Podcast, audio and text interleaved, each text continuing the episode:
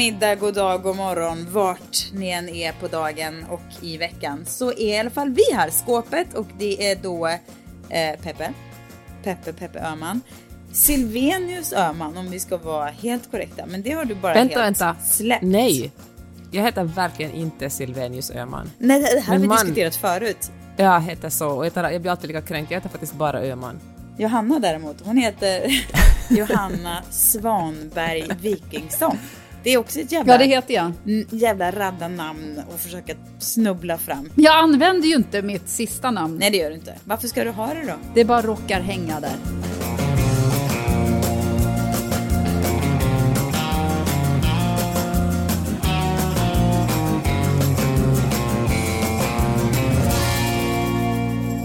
Ja, men jag har ju hetat Broberg Jonsson. Det var ju ett fruktansvärt krångligt namn. Så då blev det B Jonsson. Och det var ju också jättejobbigt. Så då, då blev det Blanken sen när jag gifte mig. Och det var en lättnad ska jag säga. Men jag tycker att B. Jonsson i och för sig, det tycker jag verkligen är ett namn som har någonting. Alltså rent Jaså, om man tänker, du? det, ja men det känns lite du vet som en, en gubbe som har ett bibliotek och ibland brukar sitta och röka pipa. Och så heter han så här Bo J. Lyndon B Johnson tänker du på B. kanske? Ja, ja men typ så. Eller jag höll på att tänka, vad heter han den här?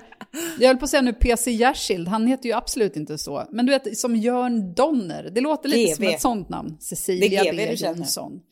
Jörn Donner, ja det är GV. Att du sitter där bredbent, du har dina manchesterbyxor, Fan, du har din rätt. pipa. Ja, så det är bara att Jag har byta min- tillbaka. jag har mitt Blankens, vad är det för fjantigt influencernamn? Ja. Ja, exakt. Jaha, du när du säger det så. B Jonsson, det är den du är.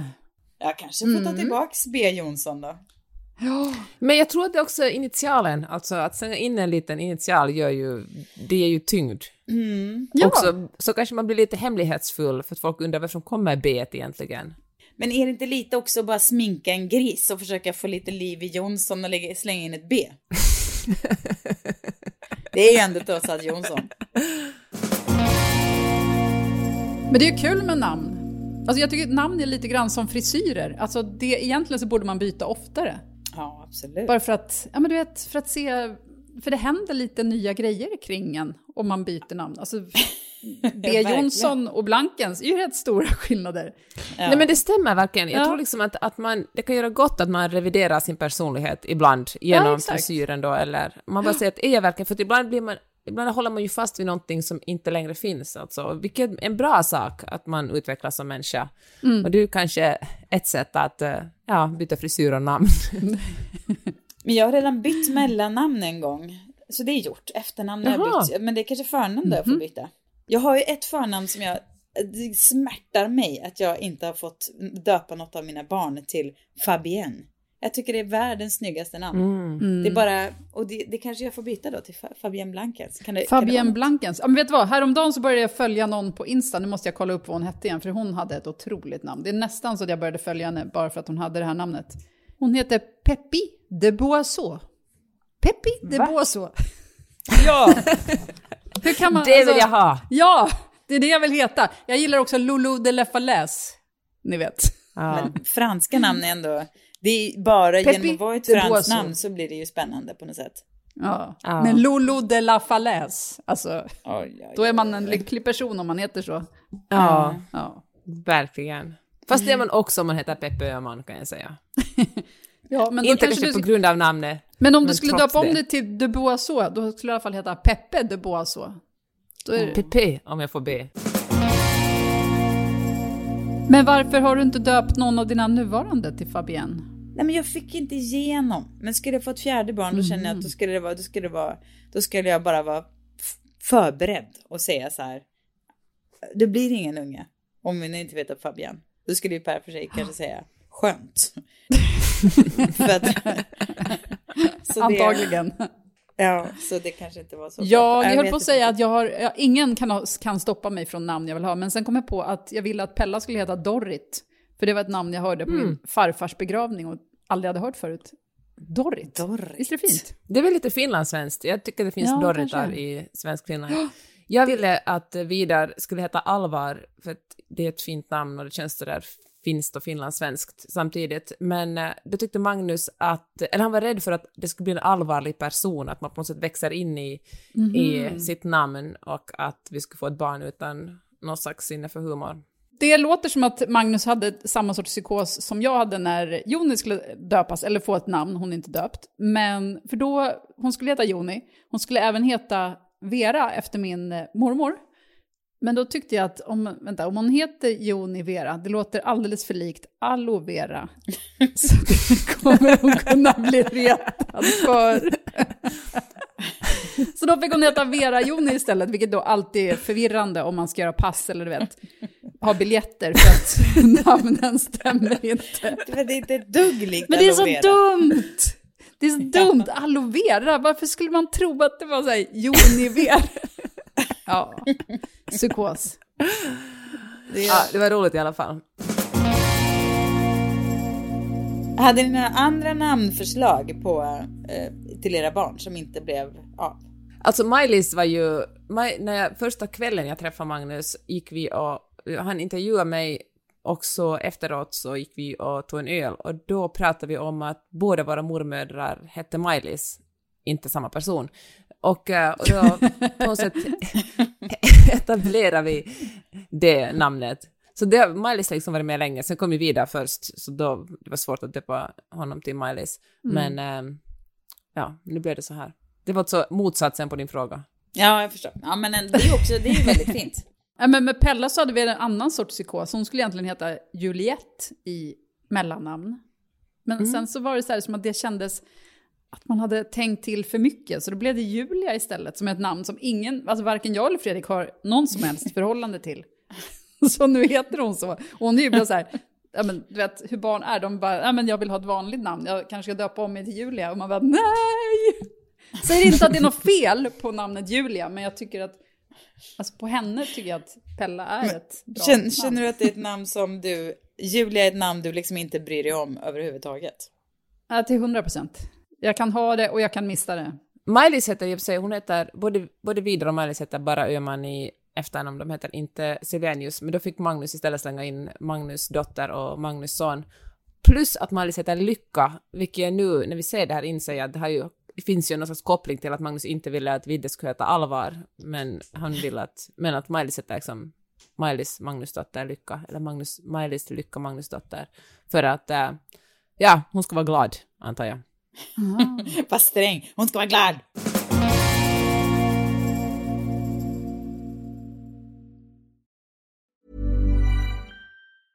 I'm Sandra, and I'm just the professional your small business was looking for. But you didn't hire me because you didn't use LinkedIn jobs. LinkedIn has professionals you can't find anywhere else, including those who aren't actively looking for a new job but might be open to the perfect role, like me. In a given month, over 70% of LinkedIn users don't visit other leading job sites. So if you're not looking on LinkedIn, you'll miss out on great candidates like Sandra. Start hiring professionals like a professional. Post your free job on linkedin.com/people today. Jag läste boken Bröd och mjölk av Carolina Ramqvist. Den handlar om eh, mat och eh, delvis hur det, vilka starka minnen man har från maten man åt som barn och vem det var som serverade dem. Jag tänker mycket på Jonathan Safran Foers Eating Animals där han berättar om sin relation till mat och hur, vad hans mormor gav honom för mat. För den här Karolina Ramqvists eh, bok handlade också mycket om hennes relation med sina morföräldrar. Och, eh, och hur på något sätt, eh, ja men egentligen den, en av paralleller som jag drog när jag läste den här boken är hur det här barnet som växer upp med en mamma som, som jobbar och eh, det här är som 80 eller 90-tal och den här mamman koketterar inte men för henne är det helt naturligt att inte äta så mycket. Mamman äter typ grönsaker och eh, där det. Medan det här barnets mormor när hon serverar sitt eh, barnbarn mat så ska det vara så mycket och så flottigt och så liksom kaloririkt som möjligt eftersom den mormodern inte själv fick det när hon växte upp. Hon växte upp under mycket fattigare tider. Och eh, det här kunde jag verkligen relatera till för att eh, alltså, min mamma åt väldigt lite när jag växte upp. Hon kunde typ äta en potatis och kanske en bit skinka och det var det. Och så tänker jag, undrar om det här påverkar min inställning till mat. Och då tänkte jag fråga er, vad har ni liksom för... Eh, inställning till mat eller vad åt ni när ni växte upp? Nej men Peppe, först, vad är din inställning till mat? Vill jag, måste jag veta. Alltså vad... De senaste 10 och 15 åren har jag haft en väldigt avslappnad inställning till mat. Alltså, ja, alltså jag tycker om mat. Jag tycker om att äta mat. Men eh, jag tycker alltid också det är svårt att säga som en smal person att eh, man tycker om att äta och älska mat, för då blir man lite såhär the cool girl som eh, ska kokettera med att vara lite härlig och äta pizza. Men eh, Fast om man tycker Men, det så ja. tycker man det. Det, måste ju, det kan ju inte vara något konstigt egentligen. nej, Eller? Men det, däremot har jag verkligen inte alltid haft en avslappnad eh, relation till mat. Jag tycker liksom att eh, jag har alltid varit ganska smal, men jag har alltid tyckt, eh, liksom när jag var så här tonåring och, och typ fram till 25, att jag var lite för tjock. Alltid funderat mycket på, kan jag äta det här och kan jag inte äta det? Och sen när jag sett bilder på mig själv blir ledsen, för jag tänker att vad fick jag omkring och tänkte så mycket på om jag hade tjocka lår? För att det ska verkligen inte vara ett problem i någons liv. Mm, ja, jag Ja. förstår. Men det låter, du är som en ganska vanlig kvinna helt enkelt. Tyvärr, eller? Ja, ja men, men tyvärr. Det är ju och då tänker jag också så här att kan det ha någonting att göra med Alltså man kan ju inte skylla allt på sina föräldrar. Min mamma har alltid varit väldigt petit och väldigt, eh, alltså hon är, ja, men hon är petit, hon har alltid varit väldigt smal och koket, inte kokettera, men det har varit väldigt tydligt att hon inte äter mycket, hon har liksom inte gjort någon hemlighet av det. Och det är bara inte så klart, men jag tänker att vi växte ju också upp under en tid, kommer ni ihåg den där bilden på uh, Nicole Richie och Paris Hilton från typ 90-talet, de har ju så här paparazzi, staged paparazzi-bilder, de går omkring och ser ut som två skelett. Jag ska lägga upp det på, på vårt Insta, på skåpet Instagram och Facebook, så vill det, alltså, vi blev ju vuxna under en tid där alltså skönhetsidealen var väldigt skruvade. Jag säger inte att de inte är det idag, men det finns åtminstone en större bredd nu. Men alltså under 90-talet var ju skelett på många sätt ett, ett liksom sexigt. Ja, Mm. jag, men jag undrar om det, om det är så att liksom någonting som är så otroligt närvarande i allas liv som mat.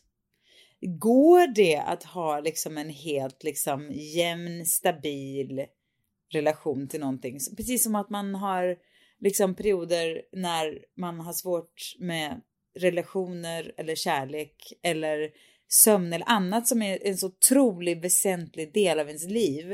Är det inte Mm. orimligt att förvänta sig att den ska vara så här bara eller hur? Eller jag först, liksom, Ja, det yttrar sig där också, hur man mår helt enkelt. ja men du, exakt, eller? och att det är liksom, precis, det är, det, är, det är så proportionellt stor del av ens liv.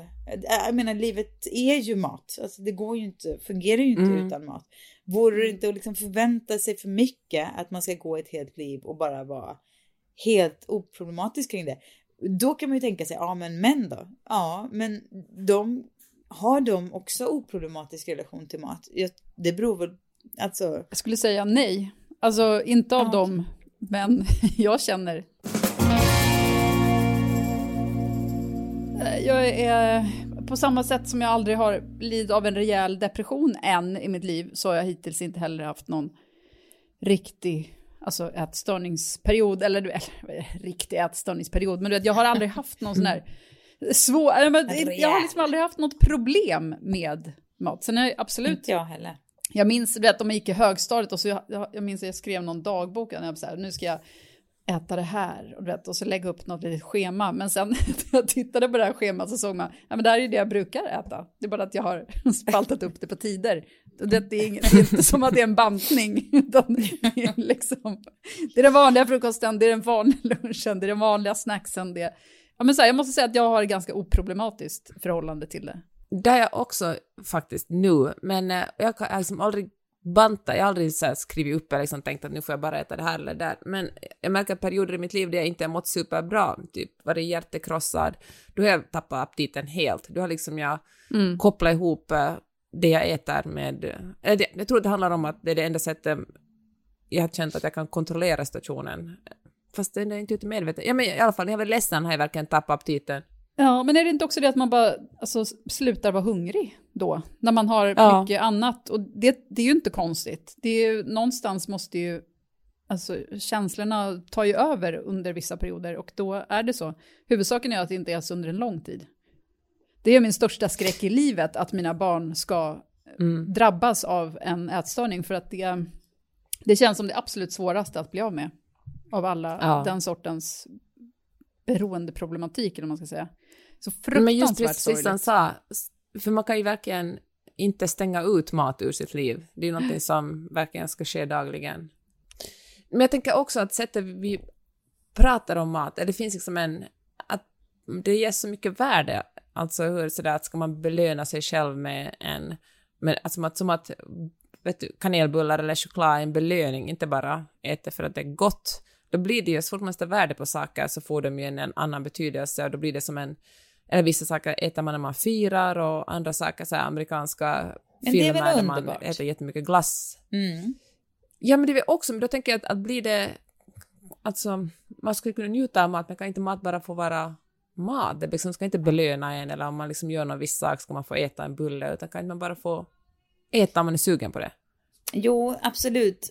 Det, på, absolut, Mm. det, så är det ju. Men om jag liksom bara skulle gl, liksom glufsa över, glufsa i mig allt jag liksom bara, mm, ja, mm, ja, alltså allt man, det är inte något större Allt man är sugen på, alltid. Ja, det är inget, stö- det är inget Mm. problem för mig att vara så här, nej men jag liksom, jag har redan ätit en bulle idag. Alltså jag, det är inget svårt för mig att tacka nej, för att då tänker jag så här, ja det kan man ju göra, men också så här, fast varför liksom? För att jag, jag menar, jag känner inte, det är ju inte en smart lösning att bara vara så här, säg ja till allt för att visst, det är inte så att man, jag har någon jätteskräck över att liksom vara, liksom väga mer än jag gör.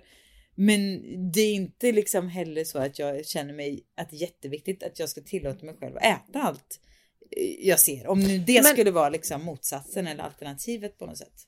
Men jag tänker så här, men om man, eh, om man verkligen känner efter, vill jag verkligen ha den här eller äter jag den för att jag eh, vanligtvis inte får äta den, eller äter jag den för att jag är ledsen, eller äter jag den för att eh, det är lite förbjudet? Alltså, alltså, borde inte en idealvärld vara så att man äter det som när man är hungrig? Jo, Och det är jag fattar klart. att vi kanske det- konstruerar det på något Jo men det är väl sätt en sak liksom tycker jag. Det är klart man äter när man är hungrig. Jag skulle aldrig säga nu är jag hungrig. Jag bara, ja här ligger en Snickers. Nej, den äter inte jag. Det skulle jag inte göra. Men däremot så kanske, kan jag vara ganska så här. Jag har liksom ingen så här godislåda hemma och sånt där. För att det är liksom. För att du har barn skulle jag säga. I alla fall därför har jag inte någon. För att Nej. de kan absolut inte hålla sig. Ja. Jag har en godislåda hemma och det är strängt förbjudet för någon annan än jag att röra den.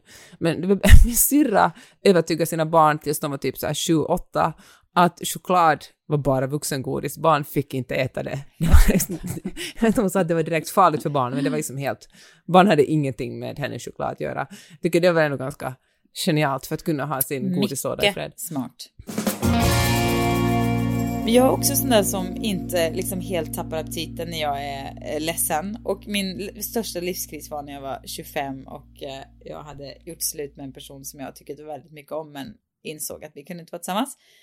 Och nu Johanna, nu är det en av alla de där vad är det du säger att jag säger? Att jag är Åh, vad du lärt dig mycket ex. av dina Ja. relationer. Ja, jag har lärt mig så mycket med relationer. Nej, men det var faktiskt eh, min största kris alltså. Jag kunde, jag kunde liksom, det var som att det var helt, jag var, blev som en maskin. Jag kunde liksom inte, jag kände ingen hunger överhuvudtaget. Jag kunde liksom gå, gå två dygn och jag bara, oj, har jag inte ätit? Det var jättekonstigt, men jag var så ledsen.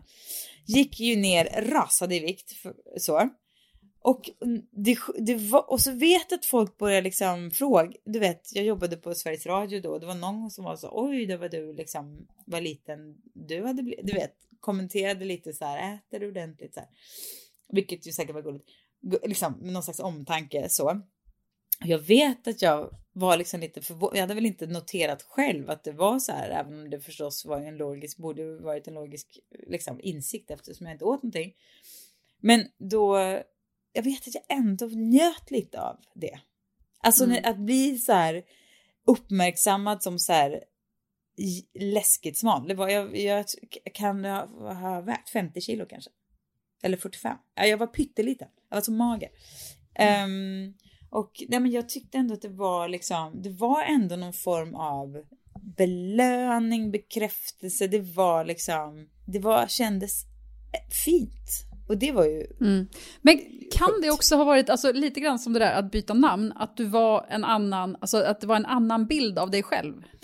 ja men kanske säkert. För jag menar, alltså, som också såklart är någonting som man förknippar med att, något fint, att vara smal som Kate Moss eller liksom Mm. något sånt där. Ja. Men att det också är just att man är någon annan Ja. i, i, i den kroppen. För att det är, man kanske måste köpa nya jeans eller vet, anpassa Ja. sig efter, efter nya förhållanden. Ja, men jag köper den analysen. Man vill liksom bort från sitt gamla jag Ja, som är så- ledsen och Precis, skapa det var liksom ett en nytt. liten kick i det. Att liksom man märkte att kläderna så hängde och man fick gå ner två storlekar i jeans och så här. Det var ju absolut lite så här, ja, intressant på något sätt. Mm. Och så kanske lite att jag tyckte att det fanns någonting, att man blev liksom lite sedd i att man så här, ja men jag har också problem, eller du vet, jag har också så här, jag vet inte, det var någonting som njöt lite Ja, av att du är lite intressant i din depression. intress- Exakt, man var lite Mm. intressant för att det var någonting som hade hänt med mig så. Ja. Så Mm. jag kan ju omöjligt förklara hur det häng, hänger ihop det där med mat, men jag har verkligen en oproblematisk relation med mat skulle jag säga. Alltså, eh, men också helt normal kvinna som du vet så här. Nej men ja, man, jag vet någon gång när man var tonåring och var så här, nej gud, för då var det liksom en liten så här tjejgäng som jag så halvhängde med, alla hade bulimi och det var liksom bara en grej.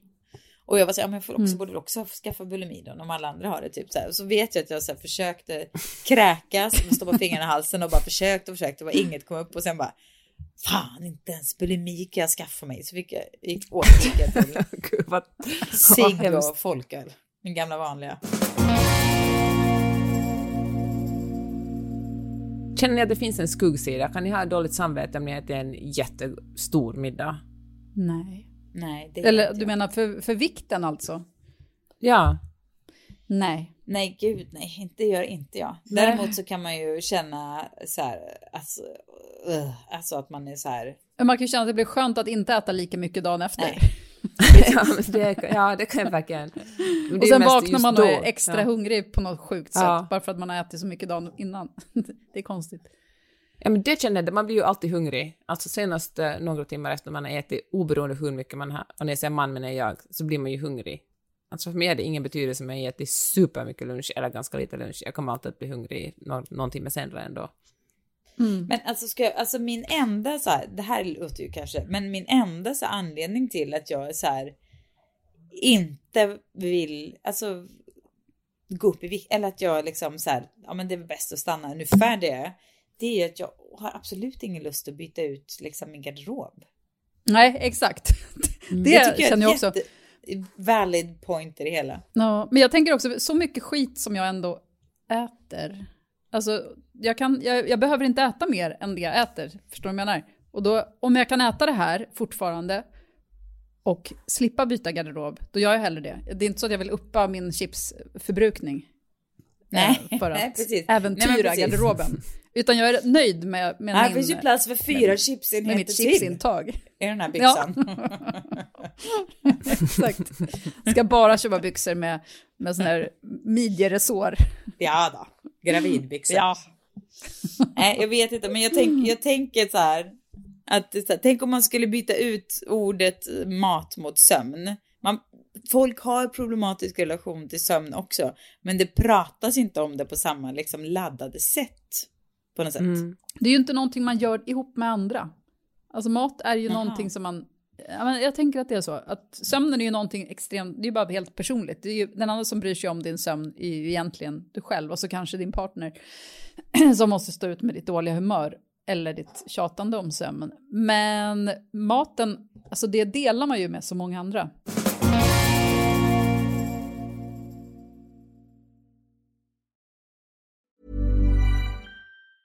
A lot can happen in the next three years. Like a chatbot maybe your new best friend. But what won't change? Needing health insurance. United Healthcare Tri Term Medical Plans are available for these changing times. Underwritten by Golden Rule Insurance Company, they offer budget friendly, flexible coverage for people who are in between jobs or missed open enrollment. The plans last nearly three years in some states, with access to a nationwide network of doctors and hospitals. So, for whatever tomorrow brings, United Healthcare Tri Term Medical Plans may be for you. Learn more at uh1.com. I'm Sandra, and I'm just the professional your small business was looking for. But you didn't hire me because you didn't use LinkedIn jobs. LinkedIn has professionals you can't find anywhere else, including those who aren't actively looking for a new job but might be open to the perfect role, like me. In a given month, over 70% of LinkedIn users don't visit other leading job sites. So if you're not looking on LinkedIn, you'll miss out on great candidates like Sandra. Start hiring professionals like a professional. Post your free job on linkedin.com/people today. Får jag göra en liten bisats in här, apropå Mm, mat? visst. För att jag var i Paris i helgen och där var jag senast för jätte- jättelänge sedan, jag minns inte ens. Men det som jag minns nu som en så stor skillnad från när jag har varit där tidigare gånger är att vi så många gånger stod i kö till olika matställen, eller allra mest olika sockerställen. För att, jag tror att det handlar om hela Instagram-samhället. Att det till, alltså du vet, ni vet hur så här La Durée macarons och sådär.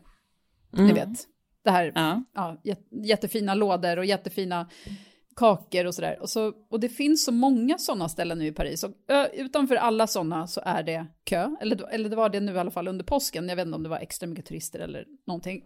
Men där är det kö. Så finns det en massa andra bagerier dit det också är kö. Vi stod i kö till något som min, som min brorsas fransk eller parisiska fru tipsade om. Eh, och vi stod väl i den där kön i 20, 25 minuter kanske. Och sen Men så vänta, kom vi vänta, in var det bara, liksom det... utom, Mm. alltså kön var utomhus eller vadå? Var det, eller Ja, jag, kön jag utomhus. Aha. Ja, precis. För att det är ganska små, det är som små lokaler. Aha, Men till det här små. stället som vi stod i kö i 25 minuter så var man så här, man, det finns ett café. Och så frågade jag, kan vi gå in i kaféet? Hon bara, nej, nej, nej, nej, det är fullbokat sedan, vet, veckor. Mm. Och så hade de istället på disken fyra stycken små glaskuper som var, som stod då och eh, visade upp fyra olika sorters, jag skulle säga, det är inte muffins, de är lite större än muffins, men de är inte så mycket större än muffins. Det är inte tårtor liksom, det är som en fjärdedels tårta. Som kostar 15 euro styck, men som är väldigt fina. Och då är det så många som står i den där kön och sen, och som inte får plats på fiket, men som bara tar en bild på, på de löjligt prissatta kakorna som är under glaskupoler. Och sen går ut igen. Och då har man liksom köat för att ta, för att ta sin lilla bild och sen sticker man. Men de betalar, Ja. de köper inte ens dem. Nej, för att man kan, alltså en normal person tycker ju att 15 euro är ganska dyrt för en, en, mini, en minitårta. Jag köpte den för att det var Pellas födelsedag och det kändes rätt, som rätt sak att göra. Och den var liksom helt okej, det var, alltså den var jättegod, men, men det är någonting med det där köandet till sockret. Vi var även på någon pizzeria som hade fått tips om, där det också var kö utanför. Och anledning till den kön, alltså det ska vara jättebra pizzor, men det finns också en jättefin eh, utsikt om man sitter på översta våningen så är det en så fin glas, glas, vad heter det? Typ som ett orangeri, växthusaktigt. Så det är också liksom en bra bild att, att vara på Men- den där pizzerian som också är, du vet, slut, alltså bok, vi- jag kollade in när vi skulle kunna få bord och det var om några veckor när vi var där. Så att, Jag tycker det är så intressant hur Instagram påverkar olika fenomen i våra liv som mat, men också kultur. Alltså det, Coachella pågår ju här i Kalifornien nu. Och eh, jag läste en så intressant analys kring hur eh, egentligen Instagram är viktigare. Att du ser ut att du är på Coachella har större tyngd än att du verkligen går och lyssnar på musiken. Att hur det verkligen finns en helt egen Coachella-kultur och det var jättefin så här bild, eh, en bildserie av eh, hur Coachella har sett ut, liksom från att ha gått för, till ganska så här bekvämt och bohemiskt vidare till, eh, så här, kommer ni ihåg tiden när det var så här Coachellas fjäderskrud där alla skulle klä sig som sån här ursprungsbefolkning, Mm, det. ursprungsbefolkning, till paniken kring kulturell appropriering och sen vidare till en annan sorts en så här bikini Coachella-outfit. Och då man ju tänka, fan det är ju kul att liksom att uttrycka sig eh, genom sina kläder på den här festivalen. Men, eh, men analysen i den här texten var att eh, det faktiskt handlar mer om att det ska se ut som man är snygg och har roligt på Coachella än att verkligen vara på Coachella och liksom dansa till musiken. Peppe, men Peppe, du och jag har ju varit på Coachella. Vi var ju väldigt Herre! Lite på konsert. Det kan vi väl ändå? Det var så roligt, herregud så det var roligt. Ja, det var så otroligt kul. Men, men det var ju inte musiken som, som jag tar Nej. med mig därifrån mest. Nej, i och för alltså jag säger inte att vi står ovanför det, men eh, Nej, men det, Ja. nu ska jag säga mitt mesta och bästa musikminne. Det var när Erik Prytz spelade och vi var liksom på scenen. Och alltså bakom ja, bakom honom. honom. Det hade jag velat se. Ja, det hade du verkligen velat se. För det var, det var alla möjliga slags danser som, som, som plockades fram ur, ur skafferiet där. Och det var vevades åt alla möjliga håll och kanter. På den här, det var så tung house liksom. Men det, man fick improvisera. Men när annars i livet kan man stå framför, att stå på scenen och se ett galet, ett folkhav som bara liksom pulserar framför sig. Man kan ju, de var ju verkligen inte där för vår skull. Men alltså, Eller? det är ju, Ja. det är ju en upplevelse som eh, ändå är ganska sällsynt i livet. Ja, Som Erik Prytz visserligen upplever Ja, men ganska ofta, men inte Peppe Öhman om vi säger så. men det som ändå hände var ju att man kunde ju liksom inbilla sig lite att det var så här. Man fick ändå lite känsla, okej jag fattar precis hur det är att stå på en scen.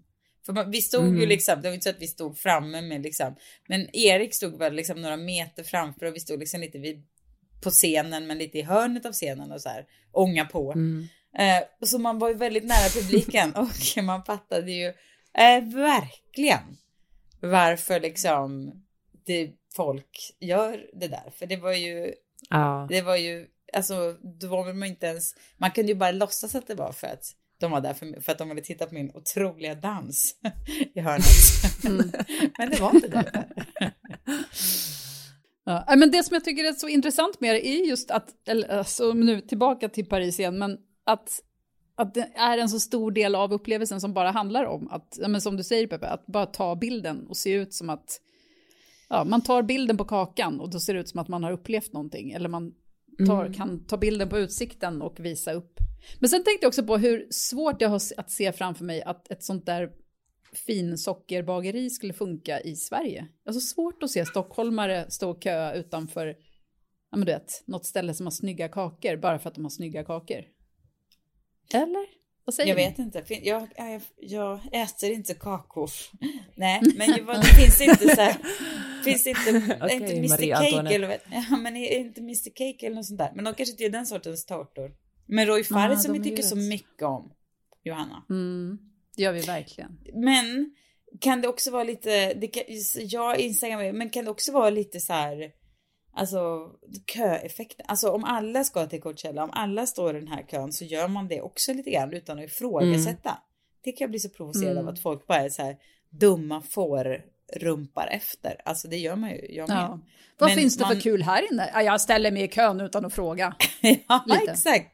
Ja. Ja, verkligen. Det är nog värt. Det låter ju väldigt deppigt att leva sitt liv genom att skapa content så att andra ska tro att man har roligt.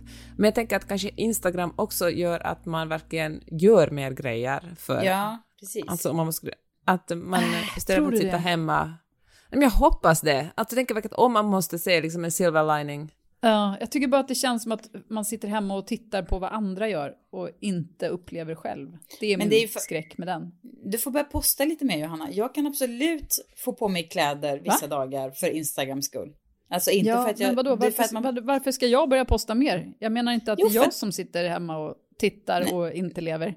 nej, nej. Att jag nej. inte postar mer är väl för att jag gör saker, eller? Jag vet inte.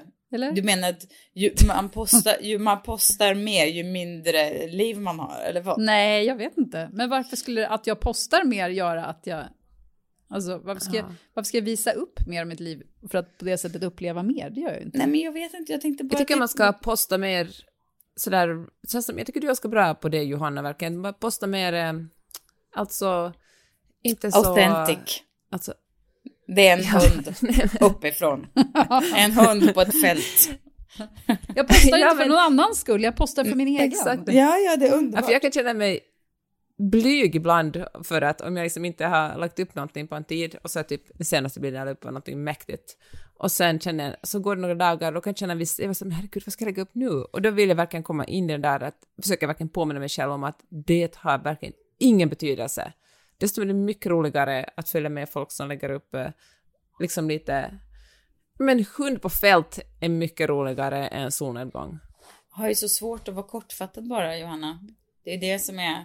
Jag vill gärna berätta så mycket när jag ska posta någonting. Jag kan bli jätteinspirerad och imponerad av så här Emilia Dupret igen.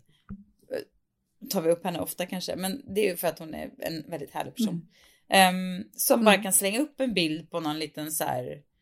Uh, ja, hon kan posta liksom flera gånger per dag och det är någon liten sko och sen är hon lite i solen och sen dricker hon en kaffe. Och det ser så lätt ut. Och så skriver hon bara så här, kaffe och klock.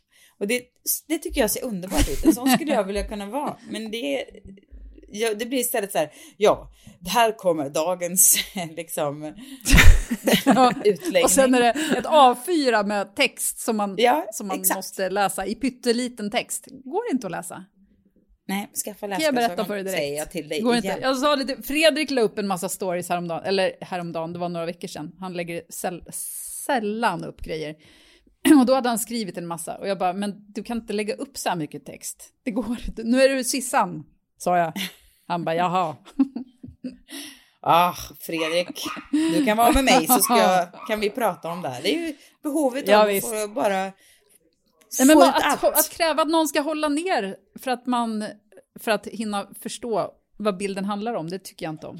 Jo, Men, då kan alltså, jag är också en sån som aldrig lyssnar. Jag har inte ljud på heller, så att jag är ledsen. Jag missar allt ni lägger upp Ja, när ni det är pratar. okej. Det går bra. Det Ja. är kanske inte dig jag skriver för. Det kanske är de som tycker om mig tillräckligt mycket för att orka hålla sitt finger på min story i två sekunder. Johanna, jag älskar uttrycket ”det tycker jag inte om”.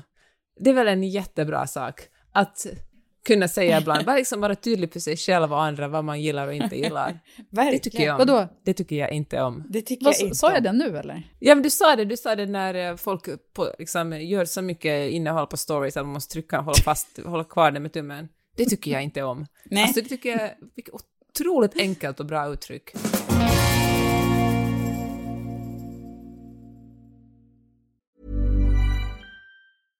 Imagine the softest sheets you've ever felt. Now imagine them getting even softer over time. That's what you'll feel with Bowl and Branch's organic cotton sheets. In a recent customer survey, 96% replied that Bowl and Branch sheets get softer with every wash. Start getting your best night's sleep in these sheets that get softer and softer for years to come. Try their sheets with a 30-night guarantee. Plus, get 15% off your first order at bowlandbranch.com. Code BUTTERY. Exclusions apply. See site for details.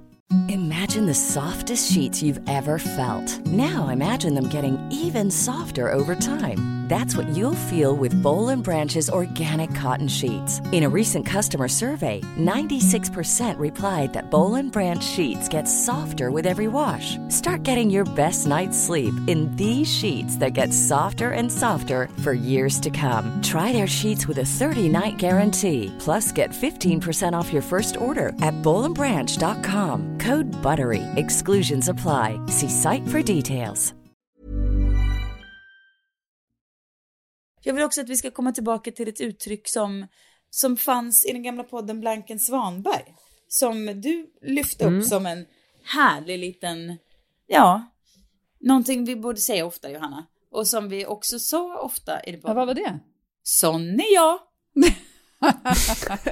Just ja, sån är jag. Att bara kunna liksom... Som en, eh, och man blir lite så kritiserad, man blir liksom lite... Ja, lite när som helst bara. Om man gör någonting så här... Ja, det blev inte hundra, det blev lite sisådär. Och man kanske klantade till sig lite, man kanske var lite burdus, man kanske... Eller vilket läge som helst, att bara kunna säga så här... Låt oss nu inte liksom klandra oss själva. Låt oss nu inte kliva in i självhatet. Utan istället säger vi bara, sån är jag. Och så går man vidare. Som en, som en dålig liten ursäkt, fast ändå Ja. inte ursäkt, utan bara så här, jag kan inte hjälpa det, sån är jag. sån är jag. Vad säger man, riktigt värdelösa personlighetsdrag, då är bara sån är jag. som, att, som att det är något charmigt. Ja, precis. Eller man är lite snål eller man är lite, ja, klantig precis. eller man bara, Jag tycker inte om långa stories, sån är jag. Ah, så vidrigt men också så underbart. Alltså det är så gubbigt. Det är så verkligen så här, som, som en, fast om en gubbe hade varit en kvinna så hade de kunnat, liksom en kvinna med så här gubbig, gubbigt beteende skulle kunna vara så här. Sonja blir lite för full. Är jag. Händer. Alltså, B. Jonsson i sitt bibliotek och pipan och manchesterbyxorna. Är jag!